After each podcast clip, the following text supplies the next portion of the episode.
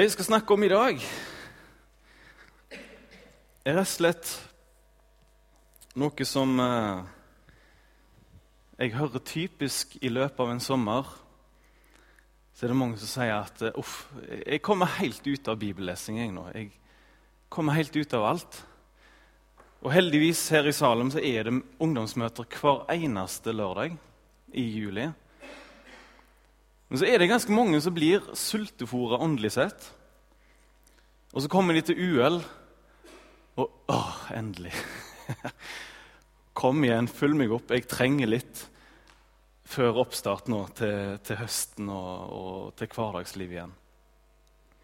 Og så tenker jeg Den opplevelsen Jeg regner med at en del av dere har kanskje vært på UL. Jeg ser at mange nikker og smiler, vet hva det går i. Det er liksom høydepunktet til NLM her, her på jord. eh, men jeg tenker sånn, når folk går ifra den UL-veka og er glad og fornøyd og inspirert, så tenker jeg det er jo ikke sånn at Gud sitter i himmelen og tenker at ja, det var flaks at jeg hadde den UL-saken, altså, for da fikk jeg liksom gjort noe med dem. Endelig. Jeg visste liksom ikke hva jeg skulle gjøre uten UL. Så, sånn er ikke Gud. Gud bruker uhell til det det er verdt. Men så tenker jeg at vi kan faktisk ha uhell i våre liv hver uke. Hvis du forstår meg rett. da.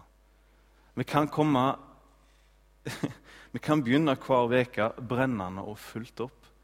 Og det var det som var meninga når Gud ga oss Den hellige ånd. Tenk at vi kan få kjenne inni oss hver dag en fred, en glede, overskudd. Noe som Gud vil gi oss. Ikke bare ei uke i året, men i hverdagen. Det har jeg tenkt å sette litt fokus på. sånn at eh, For min egen del så håper jeg at denne sommeren kan bli prega av at jeg ikke gikk inn sånn og så plutselig så gikk det bra på slutten igjen. I begynnelsen av august.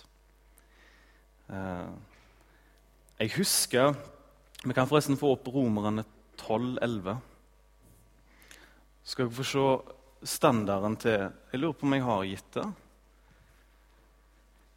Romerne 12,11. Da må jeg lese det i min. Eh, der står det Vær ikke trege i å vise iver. Ja, der kom det. Vær ikke lunkne i iveren. Vær brennende i ånden. Tjen Herren. Hva bilde har du av en kristen? Hva bilde er den typiske kristne for deg? Og som er blitt en slags mal som du tenker sånn er det cirka å være en kristen? Bare se for deg folk som brenner for noe. Det er fascinerende. Se for deg når eh, den gleden når Viking vinner, og du ser folk de bare jubler opp. Wow! Der satt han i nettet. Fytti. Og Da har du liksom en bitte liten brann, ikke sant? Så tenker jeg det er faktisk, for en kristen, så er det faktisk sånn at vi skal være langt mer brennende enn noe annet. Vi har all grunn til å brenne. sånn som i går så fikk jeg en melding der det står at på sommertreff på Lundanes så er det én frelst. 1-0. Og så kjenner jeg at ah, jeg skulle egentlig juble nå. Men jeg har mye mer å gå på inni mitt hjerte. Gud kan gjøre så mye mer i mitt hjerte, sånn at jeg kjenner på denne gleden, denne brannen. Og Det er derfor jeg står her framme nå. For jeg vet at jeg og du vi har kanskje en, et bilde og en mal av, av kristne og av oss sjøl. At det er sånn og sånn er det greit. på en måte. Og så glemmer vi å gå til bruksanvisningen til utgangspunktet til Bibelen og se at her står det at vi skal være brennende. Vi skal være sett i flammer, hele gjengen som følger Jesus. Og så er det sånn, Jeg merker for min del Jeg var akkurat ei uke i militæret. Og der kan jeg ikke ta med meg Bibelen og sitte på ei maurtue for meg sjøl og lese så mye. Det er liksom farting alltid. Så jeg fikk kona til å sende et par bibler til meg av og til. Og etter jeg var ferdig med den heimevernsveka, så når jeg kom hjem, så var jeg litt sliten og trøtt. Og så skulle jeg begynne på alt arbeidet som hadde hopet seg opp den uka jeg ikke hadde fått gjort noe. Og så ble det to veker uten noe som helst bibellesning, så å si. Og så merka jeg hvordan hele motivasjonen og brannen og gløden bare dalte i meg. Og Så skulle jeg begynne å lese litt igjen, så kjente jeg hvor tungt det var. Så tenker jeg i morgen er det en bedre dag. Da, da, har jeg, ah, da har jeg god tid og alt. Da leser jeg. Og så kom den dagen. Uff, denne dagen gikk fort. Jeg tror jeg må lese litt i morgen og be litt da heller. Og så er det faktisk til slutt så slutter jeg å spørre de spørsmålene og si at i morgen skal jeg. Til slutt så blir du bare vant med det.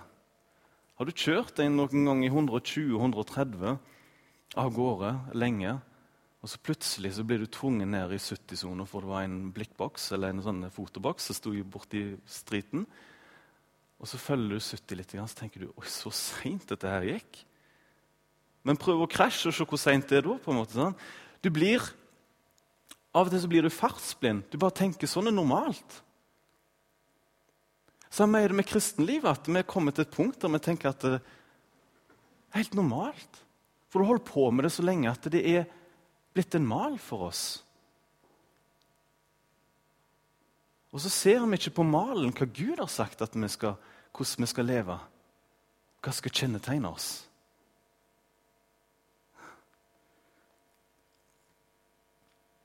Det, det samme med Bibel og bønn og alt dette her er akkurat som du har gått en hel dag uten å ete mat.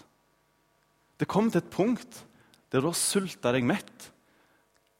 Og Hvis mor di hiver fram en feit rett med mat og sier 'Spis, gutten min' eller 'jenta mi' Du hiver i deg ei potet og litt til, og så bare 'Åh, jeg må vente litt'. Jeg, sånn er det for meg av og til. i alle fall. Jeg har sulta meg mett. Jeg har ikke plass til mer. Det kjennetegnes òg hvis jeg og du ikke har åte av Jesus, fått Jesus i blodet vårt. Så det er sånn Når du først skal begynne, så er det ah, jeg orker ikke. Det er ganske rart. For at jeg skulle kunne stå her framme og ha overskudd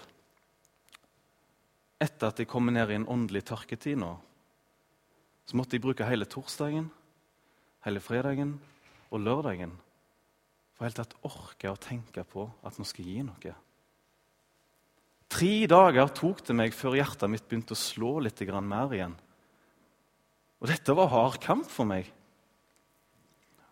Og jeg var vekke ifra Guds ord i to veker uten særlig bibel eller bønn. Og Tre harde dager tok det meg før jeg begynte å kjenne at nå begynte det å brenne litt mer i meg.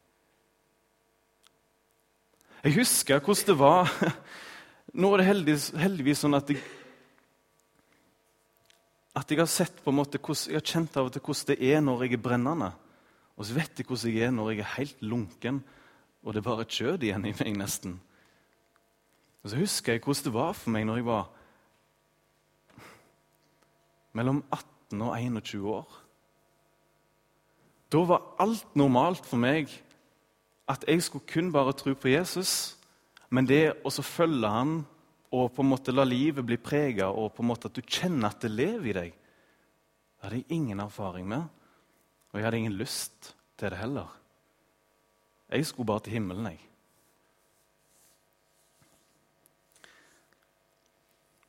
Og så var det sånn at når jeg hørte en eller annen løgn tale, eller jeg var på et møte eller var i ei bibelgruppe tilfeldigvis Når jeg hørte noen fortelle meg at det går an å bli satt i brann Det går an at livet mitt blir snudd opp ned. At verden får et helt nytt perspektiv. Da reagerte jeg på kanskje tre ulike måter. Når jeg hørte det, så tenkte jeg Nei, ja, ja, det er sikkert sant, det der. Men det er pga. at du har en sånn personlighet og en sånn oppvekst at du syns det er vanvittig kjekt å lese om Gud og gjøre masse rart for han, og stå på en scene kanskje òg. Så tenkte jeg, Det er sånn personlighetsgreier. Og det er oppveksten din, tenkte jeg. Så jeg utelukket det bare. Pst, nei da. Så der slapp jeg å ta stilling til det. En annen måte jeg kunne reagere på hvis jeg så en veldig sånn hjertelig person som hadde mange gode evner og gaver, så tenkte jeg at eh, Eller jeg merka jeg faktisk kunne bli litt misunnelig av og til. Det stoppet bare opp med at åh, Ja, ja. Hadde jeg bare, så skulle jeg kanskje gjort det, jeg òg. Hadde jeg vært sånn som hun eller han. Og så blokka jeg det opp. At det kunne være brennende. At det gikk an å få et forvandla liv. For det stoppet med misunnelse. Og nummer tre måte, når jeg hørte at det går an å følge Jesus og bli fulgt opp av han, så reagerte jeg på en tredje måte kanskje av og til. Og det var jeg vil ikke. Jeg gidder ikke. Jeg vil følge mine egne lyster og alt det jeg har tenkt i mitt hode siden jeg var liten av, og det jeg kjenner at jeg bare har lyst til å bedrive tida mi med. Jeg har ikke tid å følge Jesus og tulle opp planene mine sånn. Når du får høre det at du kan få et brennende liv i lag med Jesus Det handler ikke om at du skal springe rundt omkring og gjøre tusen ting for han. Men det handler om at hjertet ditt banker for han. Det handler om at du er retta imot han. På en sånn måte at du blir lei deg med en gang du vier oppmerksomheten til noe annet over lengre tid, så merker du at dette er galt. Fokus igjen. Og du har en brann for det Jesus er opptatt av. Plutselig så blir hans verdier dine verdier. Og Første gang jeg oppdaget, jeg begynte å, jeg begynte å lese dette, vet du, nummer én måte for å få hjertet ditt i brann på Det står i Lukas 24, 32. Lukas 24, 32. Der står det om at når Jesus underviste Guds ord, så begynte hjertene å brenne til dem. Brant ikke hjertet, vårt hjerte i oss da han talte til oss på veien og åpnet Skriftene for oss? Alle har muligheten til å få denne brannen i seg på lik linje. Alle mennesker. Så åpner seg opp for Gud. Og så var det sånn at Gud begynte å brenne i meg, så begynte jeg plutselig å bli veldig lei meg. For jeg så alt det jeg har holdt på med og gjort. Så spinnhakkende tåpelig og dumt og egoistisk. Jeg husker når jeg, jeg gikk et halvt år på fjelltun. Det var da det begynte å brenne i meg litt for sju år siden, sju-åtte år siden. Jeg sendte, jeg sendte mange meldinger og sa unnskyld til folk.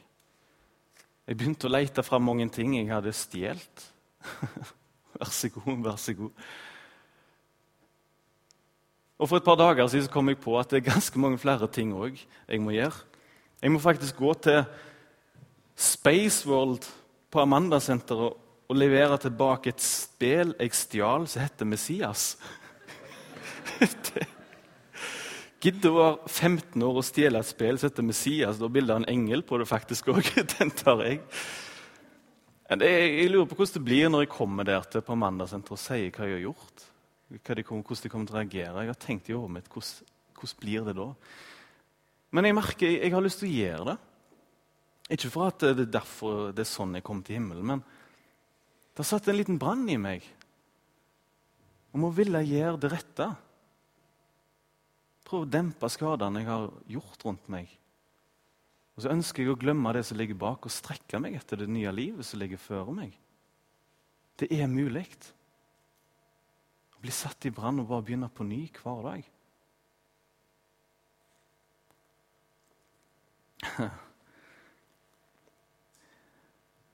Det er, det er på en sånn måte Det er veldig farlig å leve eh, som en kristen og så holde litt igjen, det tror jeg mange har hørt i en tale og to, kanskje. Jeg håper det.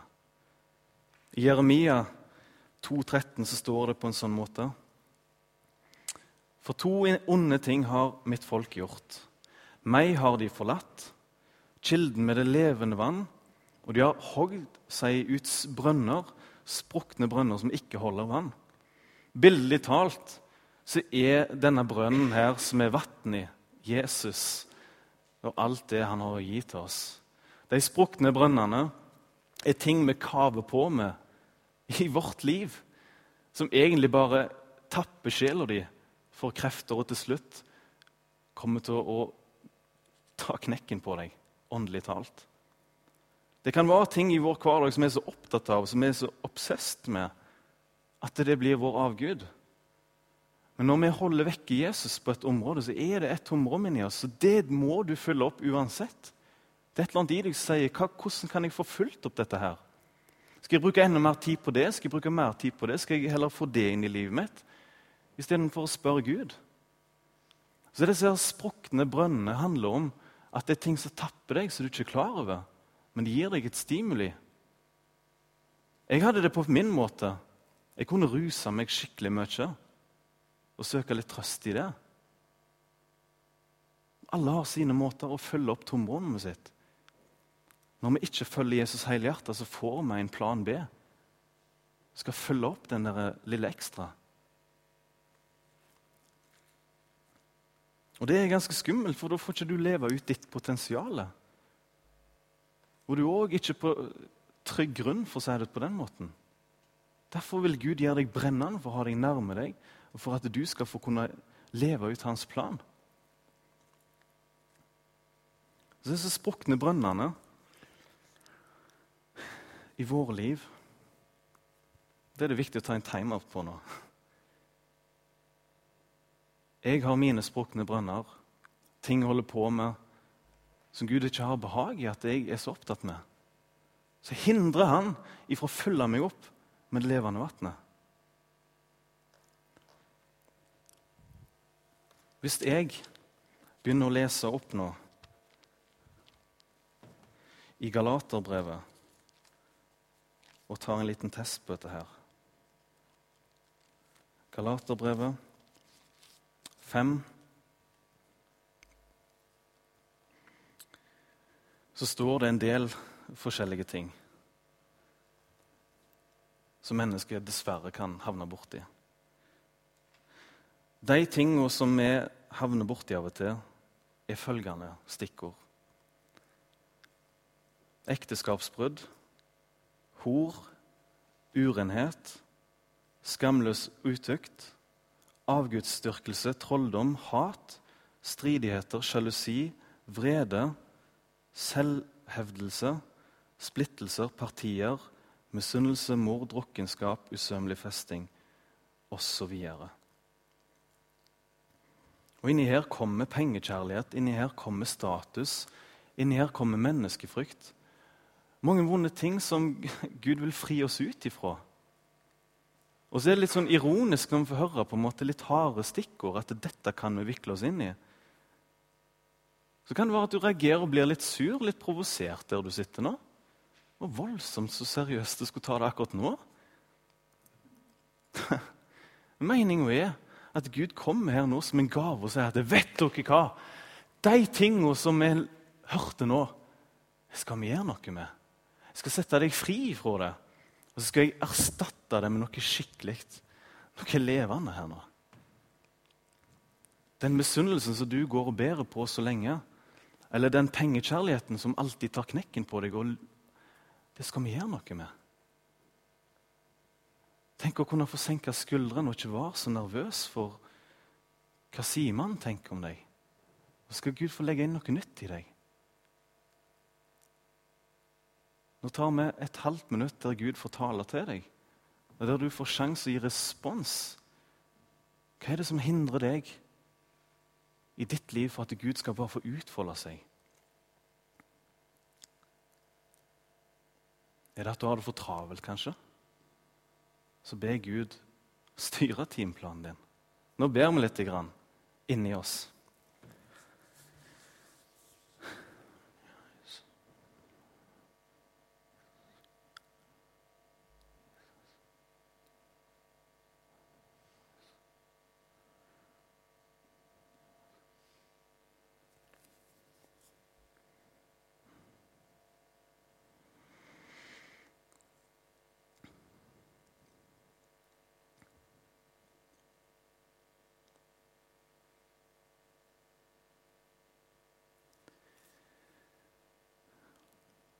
Jesus, takk at du hører våre bønner. Og, og om vi ikke klarer å sette ord på det, så ser du våre lengsler og hva vi vil. Og så er det ikke alltid lett å vite heller hva er det som skal forandres på. Hva er det som ikke er bra i mitt liv, som tar for mye plass? Takk at du med Den hellige ånd kan komme inn og vise oss det, og sette oss fri. Og Av og til så er vi blitt blinde og lever på ei løgn og er, er blitt vant med en lunken tilstand. Må du hjelpe oss å se hva du har ment for våre liv. At du får gi oss brennende, Herre. Amen. Har du, eh, har du av og til tenkt på det?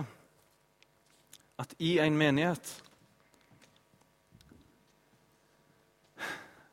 I et kristent fellesskap så har jeg faktisk hørt, jeg har hørt at det er blitt sagt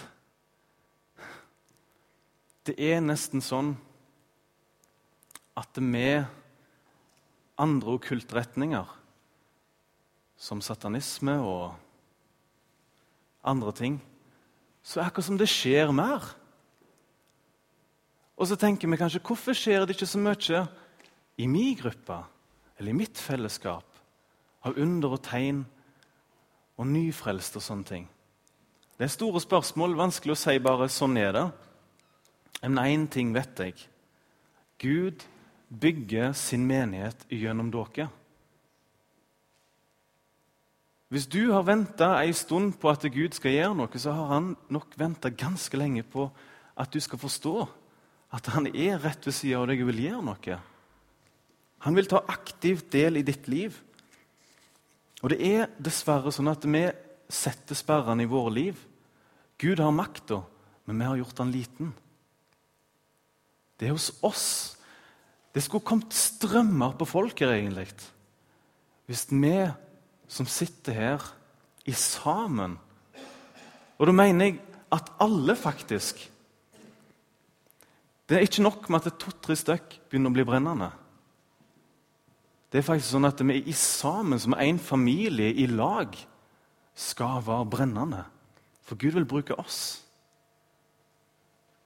Og så får han brukt vårt potensial. Og når vi blir et sterkt fellesskap, så tror jeg faktisk at folk vil komme inn og si at det kan vi få komme til dere, for vi har hørt at Gud er iblant dere. Vet du hva? Vi leker ikke menighet i Salem. Det er ikke det vi skal gjøre, i alle fall. Gud bare venter på å få lov til å bruke hele deg. Og Hvis du har en innvending inni deg nå så er det ganske mange i Bibelen som har hatt det òg. Og Gud har måttet gå én ekstra runde før denne personen fikk virkelig slå ut i frukt. Så spørsmålet er hvor mange runder må Gud gå med deg før murene faller? Og jeg takker Gud, og du får takke Gud hvis han allerede har vist deg disse tingene. Og du er satt i frihet til å tjene Han. Var deg sjøl og leve med fred. For det som er her At dette må vi gjøre i lag. Dette må vi faktisk gjøre i lag. Vet du at mange menigheter, før de har hatt en eksplosiv vekst, så har de plutselig bare reist seg opp.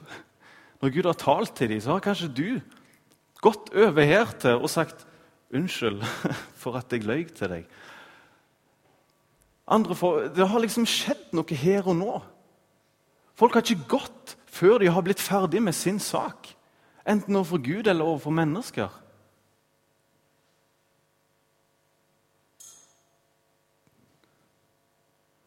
Og så gleder jeg meg til Jeg kommer ikke her til for å være ungdomsleder og for å for ikke være med på noe stort. Jeg kom her for jeg tenkte at det her i Salem her skal det skje under og tegn. Gud skal bygge sin menighet. Og Derfor jeg kom. Men tror du at meg og styret og et par andre kan være med på det? Det er en utrolig stor innsats av frivillige her i Salem. Men så er det noe med hjertet òg, at vi må være ett i sinn og hjerte og sjel. Nå skal dere få høre ett eksempel på en mann som ikke fikk være med og bruke sitt potensial i menigheten pga. at han hadde noe i hjertet sitt som ikke skulle være der. Og Gud kunne ikke bruke han, selv om han gikk på bibelskole til og med. Og gikk i en menighet. Han heter Gehassi. Han var en profet-disippel under selveste Elisha, som var en av de store profetene. Han Gehashi han må vel sikkert være født på det. Men nei da. Han hadde en fasade og lata som han var en brennende fyr. Han smilte når han skulle smile, og reise seg når han skulle reise seg. Han visste gamet og var en kristen. Han kunne alt. Og han tok til og med utfordringer. Han var med i tjeneste, og han gjorde mer enn mange andre. Men vet du hva som var så stusslig? En gang så var det en mor som hadde en sønn, så, og den sønnen lå for døden og død til slutt. Og Så sa Elisha til denne profetdisippelen nå skal du gå og helbrede og vekke denne sønnen her opp til liv igjen. Gjør sånn og sånn. Og Gehassi han sprang av gårde og gjorde akkurat det han fikk beskjed om. Gikk inn på rommet til sønnen, gjorde alt han skulle gjøre. Men ingenting skjedde. Nei. Gud gjorde ingenting i dag med meg. Det var kjipt, og så gikk han derifra. Og fortalte at jeg klarte det ikke. Og Så kom Elisha, gjorde akkurat det samme, og guttens liv kom tilbake igjen. Og Så tenker jeg bare Hvorfor? Hvorfor det? Vet du hva Bibelen forteller senere om Gehazi? Dette er stilig og trist. Gehazi han var fullt opp av grådighet inni seg. For med neste anledning var det en stor kriger som het Naaman. Han var full av spedalskhet. Og så klarte Elisha, eller ja, selvfølgelig, det var Gud, så gjorde han rein i avspedalskheten. Og så kom han krigeren og sa dere skal få masse gull av meg. Og så sa Elisha dette er det Gud som har gjort. Gud har helbredet deg, så vi skal ikke ha noe gull. Og så sa han krigeren ja vel, da går jeg. Takk for meg. Og så i det skjulte så så Gehassi at den krigeren gikk vekk med hele sitt hærfølge og sprang etter. Just a minute! sprang etter han og bare Du, eh, det har oppstått en case her, da. Eh, du ser at meg og en til vi trenger litt sånn klær og litt penger, så du har ikke litt sånt overs? Og han Naman bare Ja, selvfølgelig. Ta det og det. Og de fikk seg nye klær og litt penger i, ute og shoppa og greier.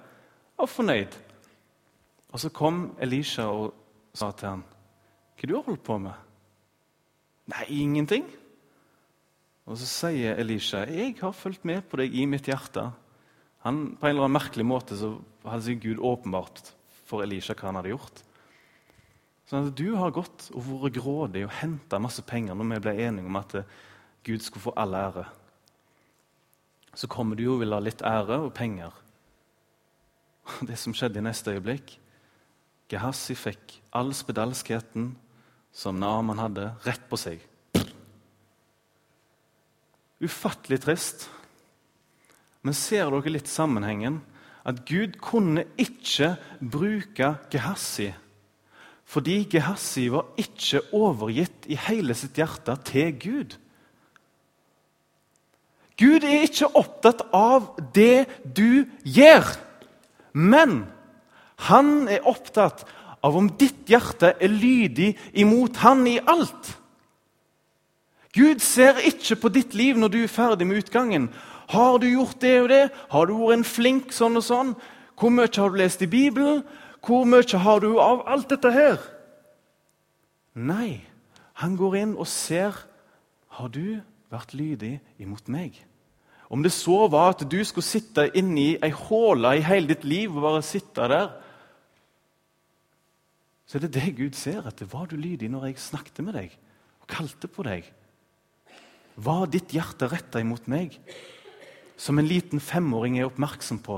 Hva skal vi gjøre nå, pappa? Hvor går veien videre nå? Gud spør etter lydighet. Gehazi sitt hjerte var ikke lydig, men vendt imot sin egen egoisme og seg sjøl. På den måten så fikk det plass til pengekjærlighet, griskhet, til og med løgn inni der. Hadde han hatt et lydig hjerte, så hadde Gud fått taket på han og fått rensa han for det. Så det begynner med at Gud får oss i tale og får oss til å bli lydige mot ham.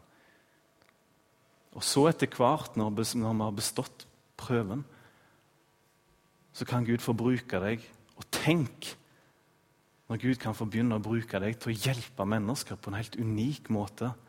Når du med din nådegave får begynne å blomstre opp. Tenk hvor herlig det skal bli når vi bare får begynne å blomstre opp. Jeg gleder meg enormt til de neste årene og ber til Gud og håper at Gud lar meg få være lydig mot deg så jeg kan få bety noe. For var i lag med deg bærer frukt.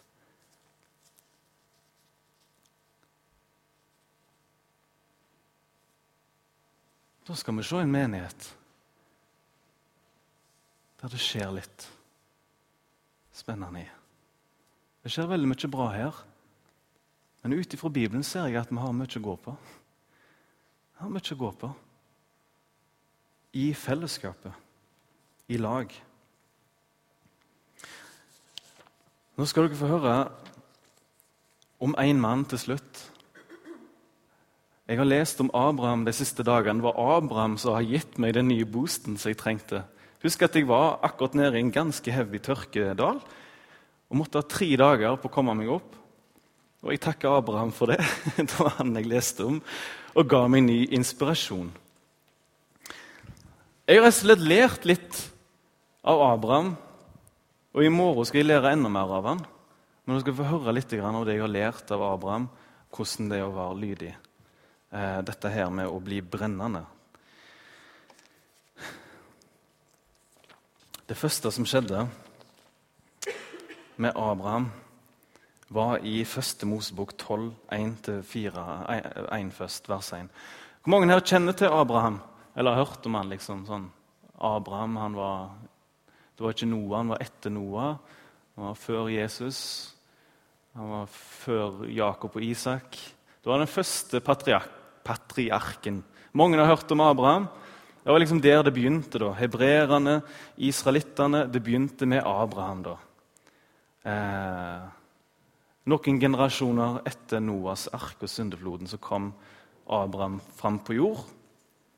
Og så skjedde det rett og slett. Dette er stilig. Det begynte.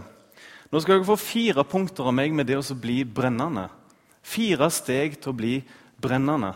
Og Det første steget jeg har lagt merke til, det begynner med det jeg akkurat har prøvd å bare nagle inn i hodet vårt lydighet. Det står sånn kalte Gud Abraham. Dra bort fra ditt land og fra din slekt og fra din fars hus til det landet som jeg vil vise deg. Jeg vil gjøre deg til et stort folk.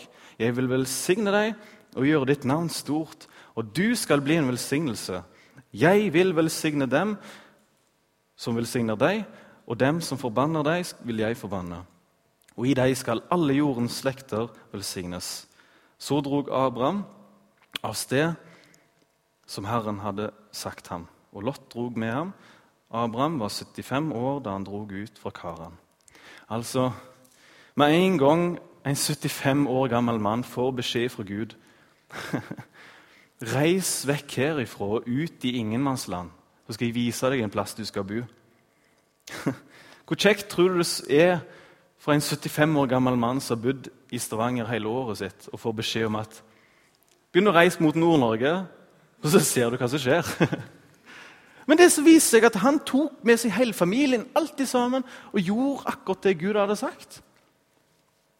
Han var til og med barnløs på den tida. Han og Sara de hadde ikke fått barn, så det var liksom litt ekstra stress. Han tok, men han hadde med seg mye folk allikevel, tjenere. For vekk fra landet sitt. Så Der begynner nummer én. La du merke til lydighet? Gud viste noe, og så handla Abraham. Hvordan kan du koble det i ditt liv? Gud viser deg noe i Bibelen. Enten en evig sannhet eller noe som gjelder spesielt for deg. Hvordan reagerer du ut ifra det? Hva er ditt ekko til Gud når Gud viser deg noe? Er det sånn putt-putt? Eller tar du det faktisk på ordet? Jeg husker en fyr jeg ba, som jeg ba for på UL. Og Før han kommer til meg, så får jeg et bibelvers ifra Gud der det står Vær et forbilde for de troende. Og Han kommer til meg, og så sier han Du, jeg, jeg har sittet her på, det var på UL, jeg har sittet her og tenkt en del på at jeg vil være et godt forbilde for deg på min arbeidsplass og bety noe for de andre der. Men jeg må bli bedt for å få Gud til å hjelpe meg med det. Så sa jeg ja. Før du kom nå, så fikk jeg et vers, og jeg tror det er til deg. Nå kan du se, Så hadde jeg en lapp på det. Splopp!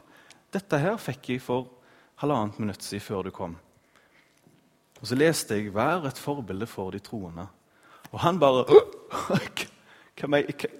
Hæ?! Så sa jeg bare 'Er du sikker på at du vil bli bedt for?' 'Er du klar for å gå inn og være et forbilde på din arbeidsplass?' Og han, Akkurat som han ikke forventer at Gud tar deg på ordet når du ber ei bønn til han. 'La meg få leve nærmere deg, la meg få be mer med deg.' Og så sitter Gud der og sier med en gang til deg ja, dette skal vi gjøre noe med. Og så får vi hakeslepp når vi først ser at han hører. Vær lydig når Gud viser deg noe i ditt ord. Hvordan reagerer du nå når du har fått hørt alt dette her? Tar du det inn i hjertet ditt, eller forkaster du det? Tenk at det skal jeg tenke på til litt seinere, eller Hvordan reagerer du på Jesus? lydighet. Og Så kan vi gå til punkt to. Første Mosebok 17,5. Abraham hadde gått i mange år og ikke fått løftet oppfylt. Han fikk ikke noe barn, sånn som han ble lov til å begynne med. at du skal få barn, du. Og Så gikk tida, og så får han til slutt møte Gud igjen. Og så vil Gud forandre navnet hans. Og så forvandler Gud navnet hans ifra Ditt navn skal ikke mer være Abraham, men ditt navn skal være Abraham, for jeg gjør deg til far for en mengde folk. Ennå så hadde ikke Abraham og Sara fått barn. Og Så kommer Gud og gir enda en større forandring i livet. At du skal til og med få et nytt navn. Og Abraham betydde før opphøyd far. Og når han ble forandra til Abraham, så står det 'far til et stort folk'. Og så er det litt spesielt at Gud faktisk skal gjøre et under i Abraham sitt liv. Skal gjøre han til et stort folk. Han har ennå ikke fått barn. Og det som er enda litt mer spesielt, hvis du går på grunnteksten og ser litt på de bokstavene og ordene der, så er den der H-en der det er en helt spesiell bokstav. For når Gud skapte himmel og jord, så er ordet 'skape' Når han sa liksom, 'la det bli et eller annet', det ordet der for skapelse, det er 'bara'. Dette høres litt teit ut at jeg kan det, men Barah med en H. Og den H-en der er livet. Den H-en står for liv i det der hebraiske alfabetet. eller hvordan det Dette har jeg lært av en annen igjen. Så dette er ikke noe jeg kan. Jeg har jo gått ett år på skole i mitt liv, så dette har jeg fått av noen andre. Men det er litt spesielt å se at Gud legger inn i oss alle noe helt utenom det vanlige. Liv ifra Gud. Sånn at vi kan gjøre det vi ellers ikke kan gjøre Dette her har jeg brukt som et bilde. At Gud gjør et under i Abraham. Han gir han til og med en H inni der, som står for liv. Og hva er det Gud gjør i ditt liv? Han gir deg Den hellige ånd, sånn at du skal bære mye frukt for han. Og Når du bærer mye frukt, at Gud får virke gjennom ditt liv, så står det faktisk at på den måten så blir Jesus herliggjort. Så Gud vil at det skal skje under i ditt liv. Gud vil at det skal bli bønnesvar rundt deg. For da blir Jesus herliggjort. Og så har Gud lyst til å legge inn at det, punkt nummer to du skal tro at Gud kan forvandle deg ifra innsida av. Punkt nummer to er at du må tro på det. Og gå etter det og søke det. Abraham fikk den der bokstaven, fikk liv inni seg, blåst inn nytt liv, sånn at han kunne faktisk gjøre Sara gravid. Og så Her og nå så kan du åpne deg opp for at Den hellige ånd skal gi deg mer liv inni deg. Så du kan blomstre og bety noe for andre. Men vi må tro på det. Hvordan skal vi ellers søke det? Punkt nummer tre det er at jeg og du må stole på når det er en skikkelig tørketid. Når ingenting går veien vår. Når alt ser mørkt ut, og ting kanskje er vondt. Så sier Gud til oss, 'Stol på meg allikevel', selv om det ser tynt ut nå. Det gikk, Abraham ble nesten 100 år. I første Mosebok 12,3 gikk det nesten 100 år før de fikk barn. Eller han ble 100 år. Det gikk kanskje 20-30 år, lang tid etter løftet. Så ble han med barn. 30 år gikk det. Tror du han hadde lyst til å gi opp? Oh yes. Og Hvis det går et år for oss uten bønnesvar, så tenker vi fort at Gud er fjernt vekke, eller Gud bryr seg ikke av og til. 30 år måtte Abraham bite i det sure eplet og vente. Stol på løftene selv om det virker fjernt. Er punkt nummer tre til å være brennende. Og det tar en god stund, det meste Gud gjør, for han gjør det godt. Og Punkt fire, og dette tror jeg er viktig for oss i Salem Punkt nummer fire for å være brennende Det er dette punktet at Abraham hadde mange mennesker som han knytta seg til. Sånn at når han reiste, hvis vi ser i første Mosebok 12,5, så står det på denne måten her Bla, bla, bla, bla, bla, bla, bla, bla, bla, bla.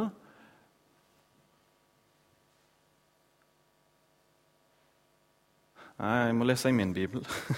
det, det står nemlig midt i min bibel. Så tok Abraham, sin hustru Sarai og sin brorsønn Lot og alle eiendelene de hadde samlet seg, og folket de hadde knyttet seg til i Karan, og så dro de av sted for å reise til Kanans land. Ett menneske som Abraham knytta seg til mange andre mennesker. Dette er viktig. Dette er utrolig viktig. Punkt nummer fire for å bli brennende. Fordi Abraham reiste med broren sin Lot òg, hvis dere fikk med dere det. Men det som var litt krise, da, var at Lot havna i trøbbel og ble bortført av en gjeng med røvere.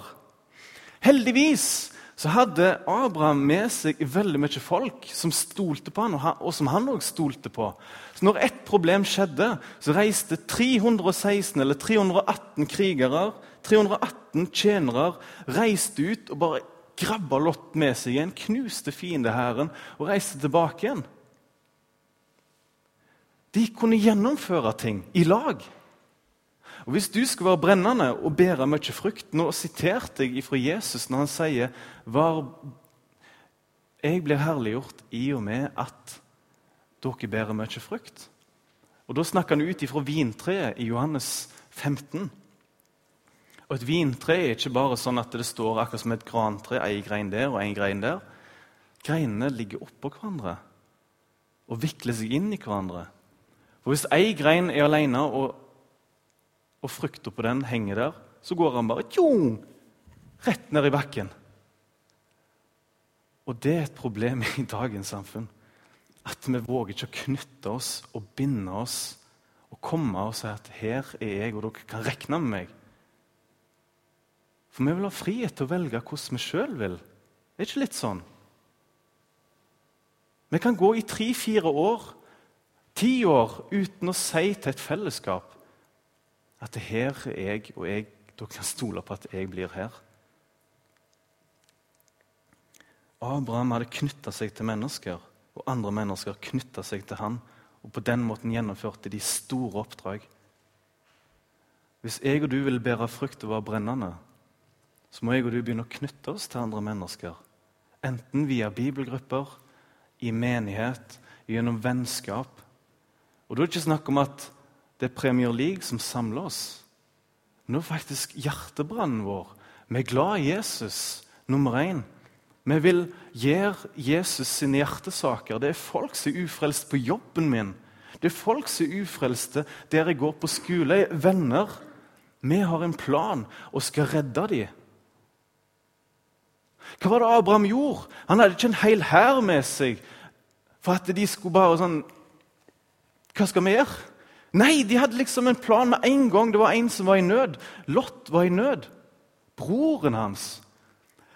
Vi går og fikser og redder han. Én person, 318. Redder én person. Nå gir du meg et bilde her på salen. Hvis jeg teller opp alle stolene her, så får vi rundt omkring 300-350. Og så var de knytta sammen. Og med en gang én person var vekke, eller én person trengte å bli redda, så sto de sammen sterke. Derfor er det så spesielt og så viktig at vi tolker ut ifra Bibelen i forhold til om vi vurderer om vi skal bli med i et fellesskap. Om vi skal gå fast i Salem eller ei. Om du er fast med her, eller i IMI eller intro, det bryr meg ingenting om. Eller selvfølgelig Salem. det er jo... Vi må jo være litt patriotiske. Dere skjønner poenget. Poenget er at du knytter deg til noe.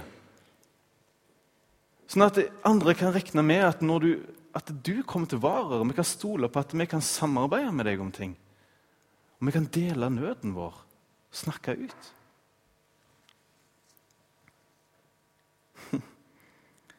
De knytta seg nummer fire. Nå skal jeg ha, lese opp i to-tre setninger som summerer opp hele min tale. Så følg ekstra med nå, så skal dere få det med dere. Skal Guds rike ha framgang, må vi være lydige mot Gud. Tro på Hans kraft i vår liv, stole på Hans løfter og våge å knytte oss fast til andre disipler og innta din unike plass i menigheten.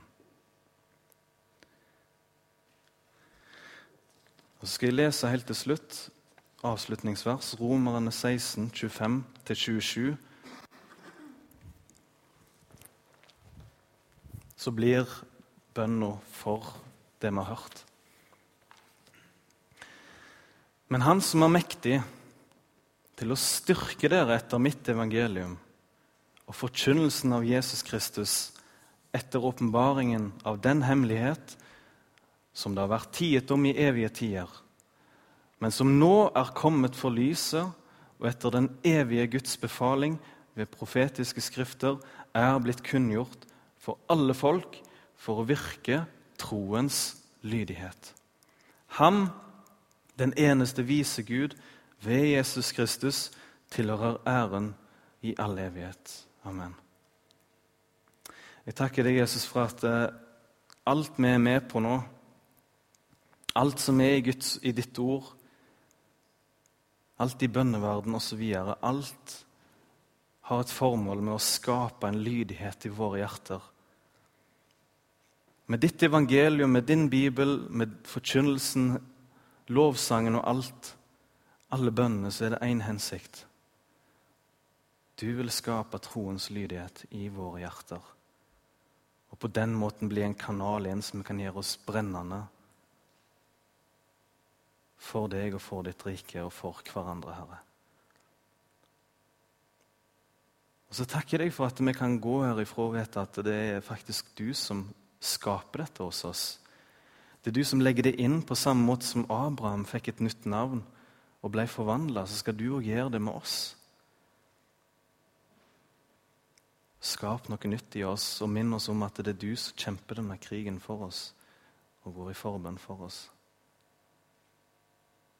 Velsign Salem og alle andre menigheter her i Stavanger-området. Og velsign sommeren som vi skal inn i nå snart, og ferien i juli. At det kan bli en rik sommer i lag med deg, der du hver dag virker i våre hjerter og åpner oss opp mer og mer for deg. Amen. Um, en liten opplysning til slutt. Uh, hvis det er noen her som Jeg tror ikke du har så mange nye, men hvis det er noen her som vil snakke om trua si, eller om du faktisk ikke Hvis du vet med deg sjøl at du ikke er en kristen, eller har litt spørsmål om det, så er jeg her, og forbedrer er her.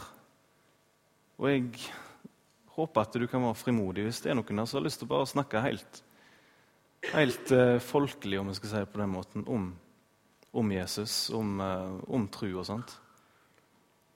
Uh, så ikke gå herifra. Det er ikke skummelt å ha en liten prat om viktige ting. hvis ikke du er en kristen, eller hvis du er ny på veien, eller hva som helst, egentlig. Tenkte jeg bare skulle si det. Det er lov å hooke tak. Yes.